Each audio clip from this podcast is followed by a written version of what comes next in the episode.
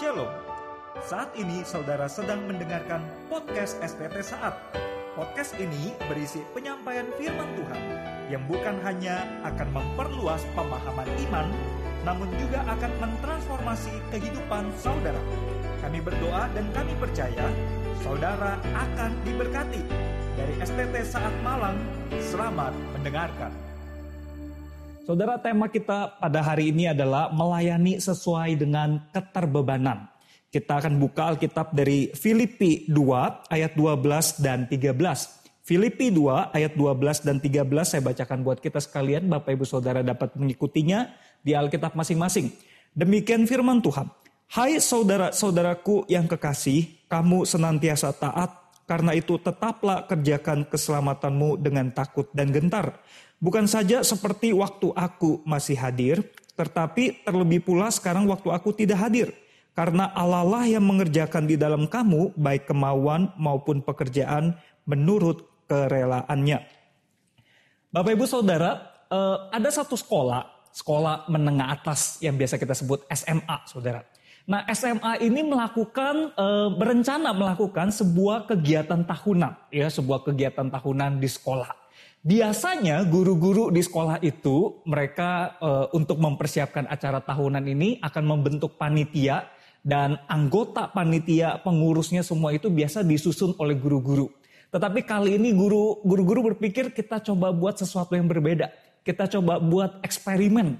Jadi guru-guru itu tidak memilih siapa-siapa jadi panitia ini dan itu, tapi guru-guru itu membuka pendaftaran kepada seluruh siswa di SMA itu berhak untuk uh, terlibat di dalam kepanitiaan. Jadi guru-guru memberikan pengumuman, uh, semua siswa berhak menjadi panitia, silakan memilih uh, bidang panitia yang sesuai dengan keterbebanan. Silakan mendaftarkan diri menjadi panitia sesuai dengan keterbebanan masing-masing. Jadi masing-masing boleh Eh, sesuai dengan keterbebanan memilih mau bidang apa saudara ya. Dan ini juga gurunya tekankan ini sifatnya sukarela supaya dikerjakannya dengan suka hati dan rela hati saudara. Supaya jangan tidak suka dan jangan tidak rela nanti jadinya terpaksa. Saudara setelah ditunggu sekian waktu sampai batas waktu pendaftaran itu mau ditutup, guru-guru kemudian memperhatikan apakah siswa yang mendaftar itu cukup banyak atau tidak di luar dugaan dan harapan, ternyata siswa yang mendaftar sangat sedikit saudara. Sebagian besar saudara uh, siswa di sekolah itu tidak mendaftar. Alasannya karena tidak terbeban saudara. Wah gurunya tepuk jidat saudara ya. Hanya ada sebagian kecil yang mendaftar. Itu pun daftarnya di bidang-bidang yang menurut siswa-siswa itu adalah bidang-bidang yang ringan. Misalnya bidang perlengkapan, bidang konsumsi. Ya hanya itu saudara. Bidang-bidang yang lain yang di yang dianggap oleh siswa itu berat, misalnya bidang acara, bidang publikasi, bidang dekorasi itu nggak ada yang mau daftar. Alasannya tidak terbeban. Terbebannya kepada bidang yang ringan, saudara. Wah, saudara, hasil itu tentu tidak sesuai dengan harapan guru-guru ya saudara ya. Bisa diterka mungkin itu pertama dan terakhir kalinya guru-guru menggunakan cara itu untuk membentuk panitia. Saudara kalau kita lihat diri kita masing-masing, di dalam konteks kita melayani Tuhan, baik di dalam gereja maupun di luar gereja. Bagaimana pemahaman kita tentang keterbebanan selama ini? Apakah kita memiliki definisi dan ukuran keterbebanan yang seperti definisi atau ukuran yang dipakai oleh siswa tersebut, saudara? Yaitu keterbebanan yang diukur berdasarkan ke kemauan ya atau saya mau atau tidak melakukan hal ini atau misalnya kesukaan saya suka atau tidak melakukan hal ini atau misalnya ketertarikan atau minat saudara saya tertarik atau tidak melakukan hal ini atau keantusiasan atau semangat. Saya semangat atau tidak ya? Saya antusias atau tidak ya melakukan hal ini? Kalau saya tidak suka kalau saya tidak mau kalau saya tidak semangat kalau saya tidak antusias atau saya tidak tertarik, itu artinya saya tidak terbeban, saudara. Apakah ukuran-ukuran seperti itu yang biasa kita kenakan di dalam diri kita untuk kita berkata, saya terbeban atau tidak untuk melayani di bidang ini, bidang itu buat Tuhan. Saudara, apakah betul definisi uh, keterbebanan pelayanan seperti ini adalah definisi yang sesuai dengan pengajaran firman Tuhan? Mari kita akan temukan jawabannya dari pembelajaran firman Tuhan secara khusus dari Filipi 2 ayat 12 sampai 13 yang tadi kita baca saudara. Pelajaran pertama yang kita bisa petik dari bagian firman Tuhan ini adalah ini saudara. Yang pertama, keterbebanan pelayanan kita itu bermula dari anugerah keselamatan. Keterbebanan pelayanan kita itu bermula dari anugerah keselamatan. Saudara kalau kita lihat di ayat 12 di sana Paulus ada memberikan nasihat kepada jemaat Filipi dengan berkata, "Karena itu tetaplah kerjakan keselamatanmu." tetaplah kerjakan keselamatanmu. Saudara, apa maksud dari anak kalimat tetaplah kerjakan keselamatanmu di sini? Di dalam bahasa aslinya bahasa Yunani, eh, frase atau gabungan kata dari tetaplah kerjakan itu eh, menggunakan kata kater gazeste, saudara. Kater gazeste ini di dalam bahasa Inggris itu diartikan atau diterjemahkan sebagai produce atau menghasilkan, bring about membawa sesuatu atau efek atau berdampak saudara. Nah seorang penafsir yang bernama Peter O'Brien, Peter O'Brien ini dalam tafsirannya terhadap surat Filipi, dia menyimpulkan frase ini dengan sebuah proses yang continuous. Continuous itu artinya berkesinambungan. Atau sustain, sustain itu artinya terus menerus saudara. Atau strenuous effort atau usaha yang gigih. Sehingga saudara kalau saya boleh simpulkan dari pengertian kater gazeste bahasa Yunani dengan penjelasan Peter O'Brien ini, kita bisa menarik sebuah kesimpulan bahwa frase tetaplah kerjakan keselamatanmu di sini memiliki arti seperti ini saudara. Hasilkanlah dampak dari keselamatanmu dengan usaha yang berkesinambungan terus menerus dan gigih. Hasilkanlah dampak dari keselamatanmu dengan usaha yang berkesinambungan terus-menerus dan gigih. Pertanyaan selanjutnya adalah dampak apa saudara yang kita perlu hasilkan dari anugerah keselamatan yang kita terima dari Tuhan?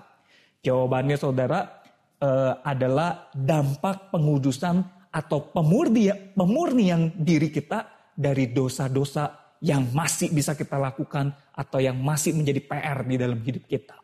Saudara, kalau kita perhatikan sekali lagi nasihat Paulus di dalam ayat 12 ini, sebelum ia berkata tetaplah kerjakan keselamatanmu, di sana ada kata karena itu. Karena itu tetaplah kerjakan keselamatanmu. Pertanyaannya saudara, karena itu ini karena apa? Itu itu merujuk ke apa saudara? Jawabannya ada di ayat-ayat sebelumnya. Yang kita bacakan ini ayat 12 ya. Di atasnya itu ada ayat 5 sampai ayat 8. Di sana Paulus tuh baru saja menjelaskan tentang karya Tuhan Yesus yang begitu besar. Karya Tuhan Yesus yang walaupun dalam rupa Allah telah mengosongkan dirinya. Mengambil rupa seorang hamba. Menjadi sama dengan manusia, dengan kita semua saudara. Dan dalam keadaan sebagai manusia, ia telah merendahkan dirinya dan taat sampai mati di kayu salib. Saudara, karya besar yang Tuhan Yesus lakukan ini demi siapa saudara? Demi Bapak Ibu Saudara dan demi saya. Kita semua orang berdosa.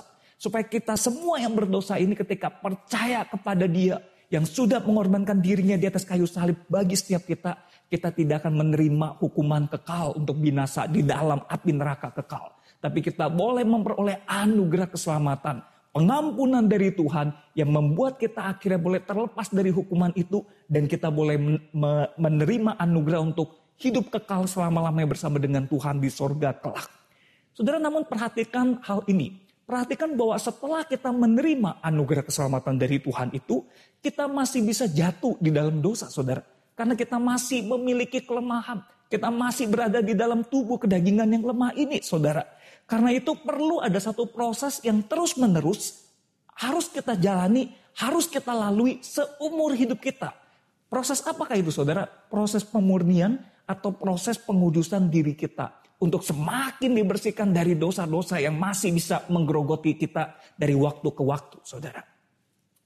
Untuk memperjelas hal ini dan menolong kita semakin memahami bagian ini, seorang pendeta yang bernama John Piper, dia memberikan contoh seperti ini saudara. Dia berkata di dalam melawan godaan-godaan dosa ya yang masih bisa menarik kita, menjatuhkan kita. Dia berkata dia menggunakan sebuah rumusan yang dia singkat dengan kata anthem. A-N-T-H-E-M.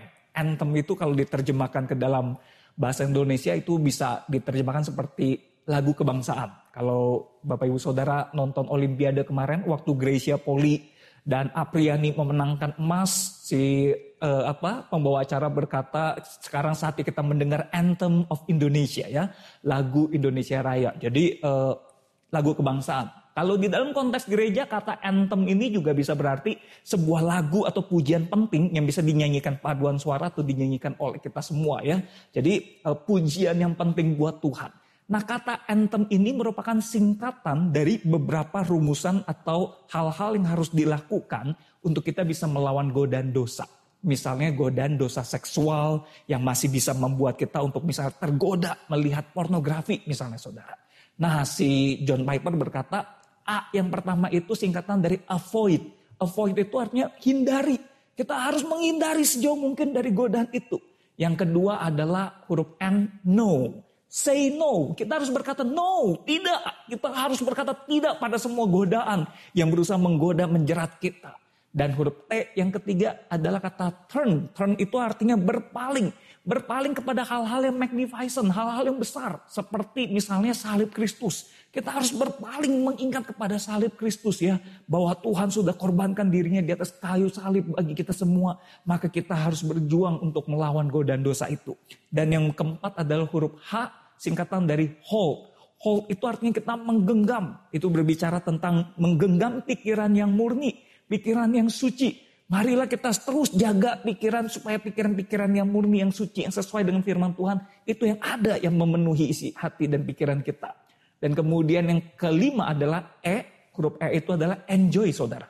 Enjoy itu artinya kita menikmati the pleasure uh, from God ya. Kita menikmati anugerah kebaikan dan kemurahan Tuhan dan kita menikmati persekutuan kita dengan Tuhan dan menikmati Tuhan itu sendiri.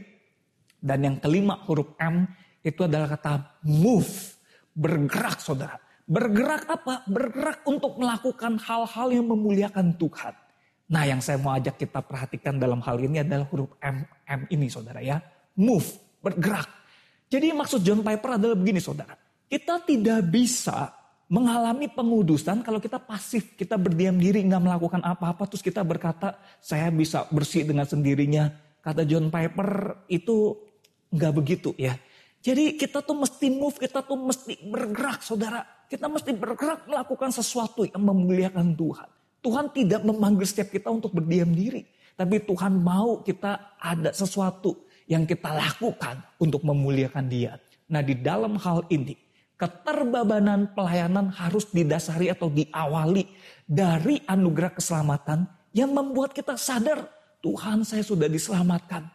Dan karena anugerah Tuhan yang begitu besar, itu menggerakkan hati saya mau bergerak keluar untuk melakukan sesuatu buat Tuhan.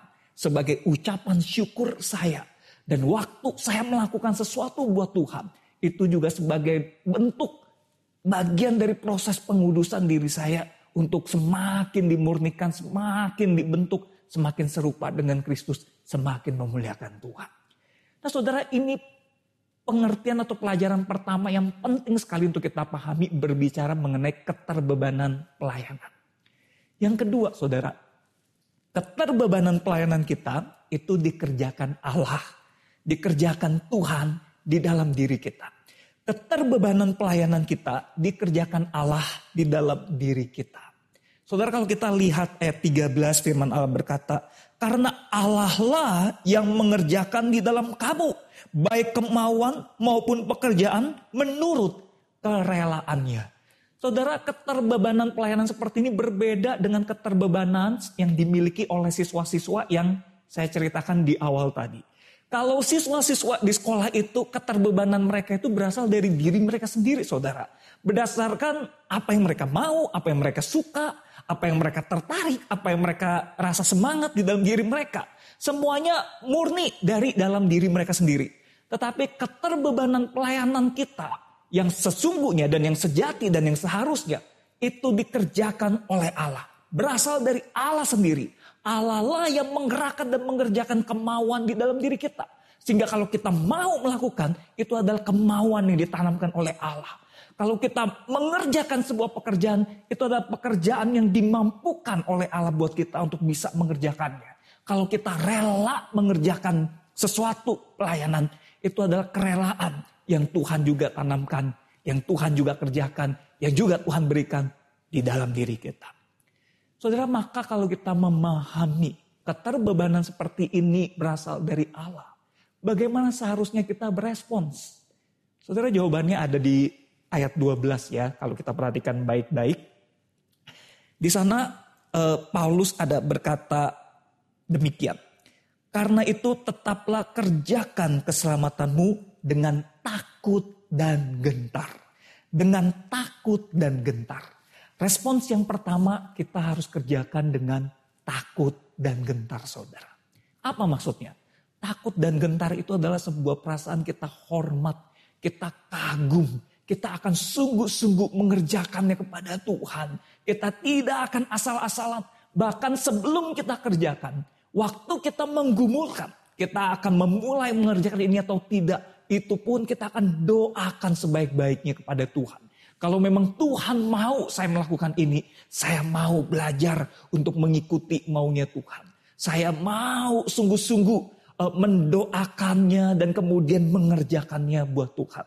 Saya bayangkan seperti kalau kita ini terpilih menjadi anggota paski beraka oleh Bapak Presiden dan kemudian kita bertugas di Istana Negara misalnya saudara ya waktu zamannya kita masih sekolah atau teman-teman yang saat ini masih sekolah. Kalau kita terpilih menjadi anggota paski beraka untuk mengibarkan sang saka merah putih di Istana Negara eh, waktu negara kita berulang tahun beberapa waktu yang lalu Saudara pasti kita akan mengerjakannya dengan sungguh-sungguh. Dengan sebuah perasaan takut dan gentar. Takut kalau kita sampai salah. Takut kalau kita sampai asal-asalan. Ada kegentaran. Ini kepercayaan yang besar yang diberikan. Maka saya harus persiapan sebaik-baiknya. Saya harus berlatih. Saya harus menyiapkan semuanya dengan penuh tanggung jawab. Saudara kalau dipanggil atau dipilih oleh presiden saja kita bisa punya perasaan seperti itu. Apalagi kalau kita dipanggil atau dipilih oleh Allah kita. Raja segala raja. Tuhan yang menciptakan langit dan bumi. Seharusnya ada perasaan hormat yang takut dan gentar seperti itu juga saudara. Dan waktu Tuhan meminta kita melakukan sesuatu. Kita akan lakukannya dengan sungguh-sungguh. Kita mulai dengan doa, dengan persiapan. Dan kita tidak akan asal-asalan. Termasuk waktu Tuhan misalnya mempercayakan kita menggumulkan salah satu bidang pelayanan di tengah-tengah pandemi ini saudara. Mungkin itu adalah pelayanan untuk anak-anak, pelayanan untuk anak remaja, kaum muda, atau pelayanan untuk dewasa, pria, wanita, ataupun mungkin pelayanan untuk lansia. Mungkin itu pelayanan di dalam ibadah, di dalam rekaman, atau pelayanan di dalam musik, atau pelayanan sosial saudara. Apa pun bidang pelayanan yang saat ini mungkin Tuhan gerakan. Tuhan taruh beban itu di dalam diri kita. Jika kita betul-betul punya sebuah kesungguhan dengan takut dan gentar, siap menggumulkan ini, kita akan doakan baik-baik dan kita akan berkata, "Ya Tuhan, saya mau melakukannya." Saudara, selain takut dan gentar, yang kedua adalah ini, saudara. Hai saudara-saudaraku yang kekasih, kamu senantiasa taat. Saudara perhatikan, Paulus memuji jemaat Filipi sebagai jemaat yang senantiasa taat Bukan saja seperti waktu aku masih hadir, tetapi terlebih pula sekarang waktu aku tidak hadir. Saudara, sebuah sikap senantiasa taat. Waktu, eh, kalau dalam konteks ini ya, Paulus hadir nggak hadir si jemaat Filipi itu tetap taat. Itu berarti ada konsistensi. Ada keotentikan saudara ya. Ada ketulusan di dalam ketaatan itu. Bukan taat hanya untuk dinilai. Bukan taat hanya karena takut ada orang yang mengawasi. Saudara nggak seperti itu. Senantiasa taat artinya kita ada orang menilai, ada orang melihat, atau tidak ada orang menilai, atau tidak ada orang melihat, kita akan tetap lakukan dengan sebaik-baiknya. Dengan penuh kesungguhan, dengan sebuah ketaatan di hadapan Tuhan.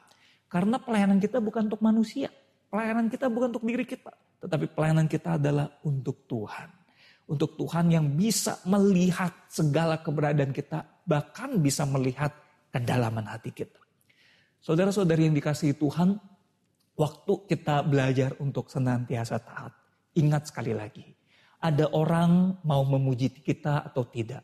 Ada orang mau menghargai kita atau tidak. Harusnya itu tidak jadi soal. Jangan sampai gara-gara misalnya kita dapat kritikan atau masukan sedikit. Terus kita berkata, saya tidak lagi terbeban melayani Tuhan di bidang ini. Karena kita sakit hati ya. Karena kita dapat kritik atau dapat celaan atau dapat masukan-masukan yang melukai hati kita. Saudara kita perlu belajar untuk punya hati yang senantiasa, senantiasa taat dan juga rendah hati. Nggak peduli dengan hal seperti itu. Masukan yang baik kita terima untuk memperbaiki diri yang melukai hati kita, ya kita belajarlah. Jadikan itu proses untuk kita belajar semakin rendah hati. Keterbebanan itu harusnya tidak boleh e, dipengaruhi oleh hal-hal yang bersifat itu tuh kata-kata orang, penilaian orang dan sebagainya.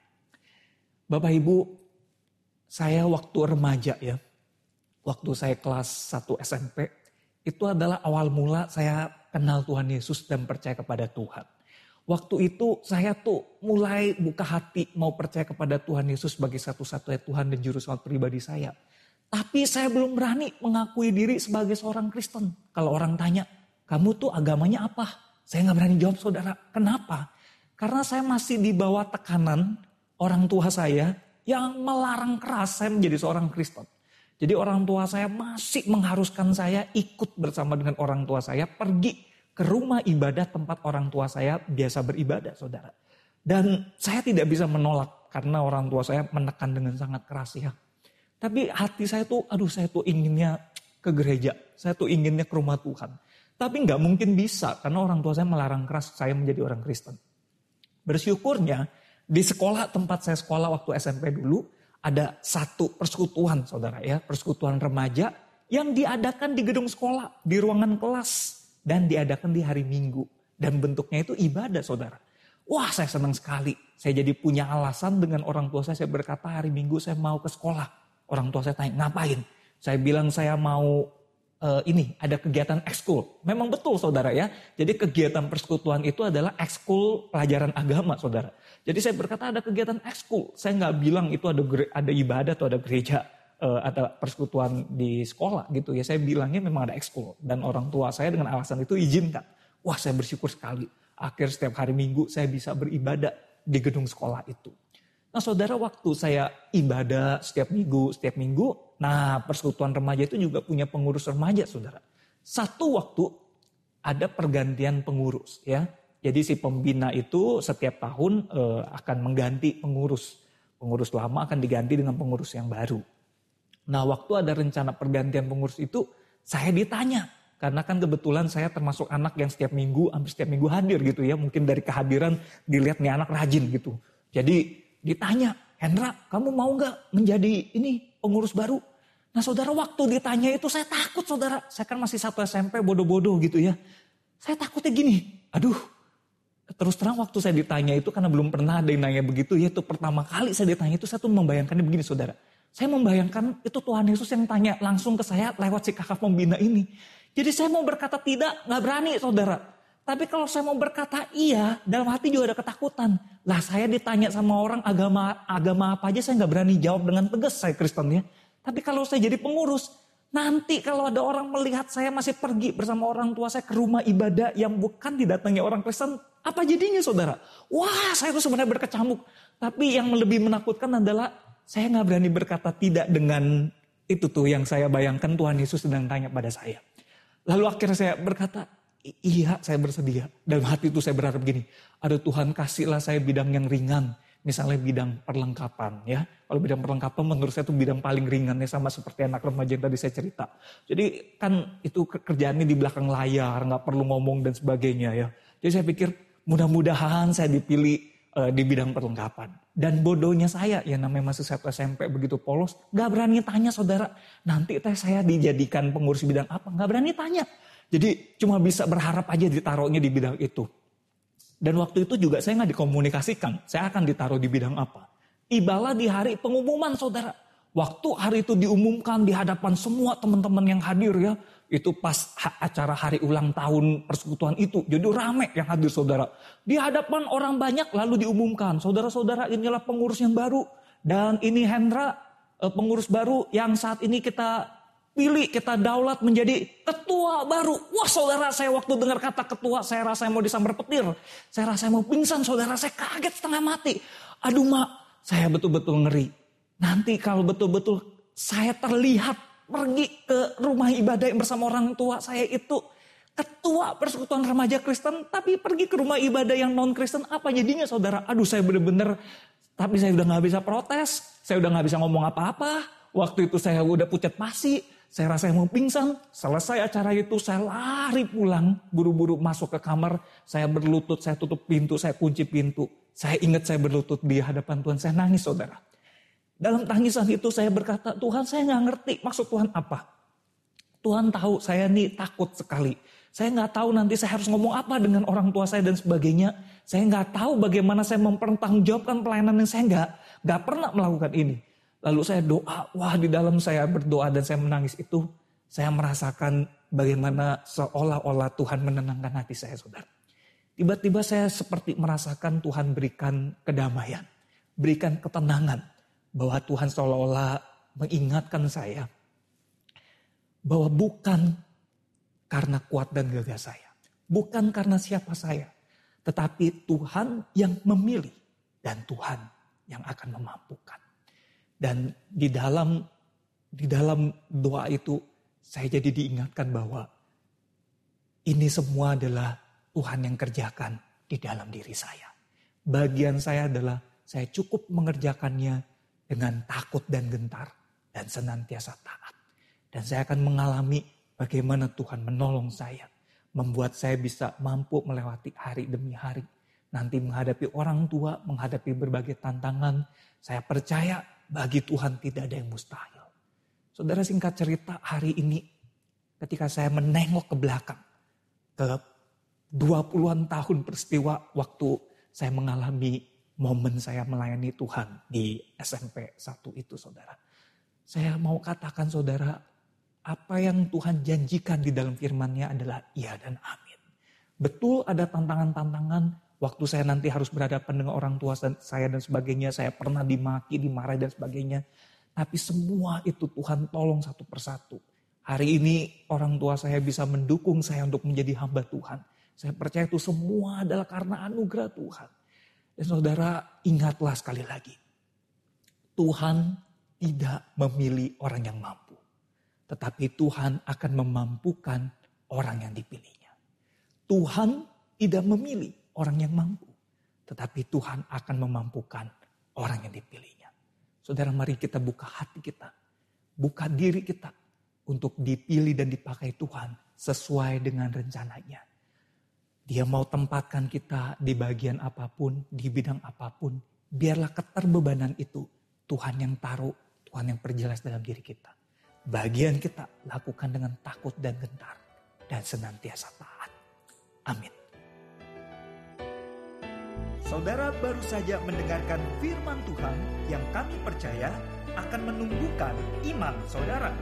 Sampai jumpa pada podcast STT saat berikutnya. Tuhan memberkati.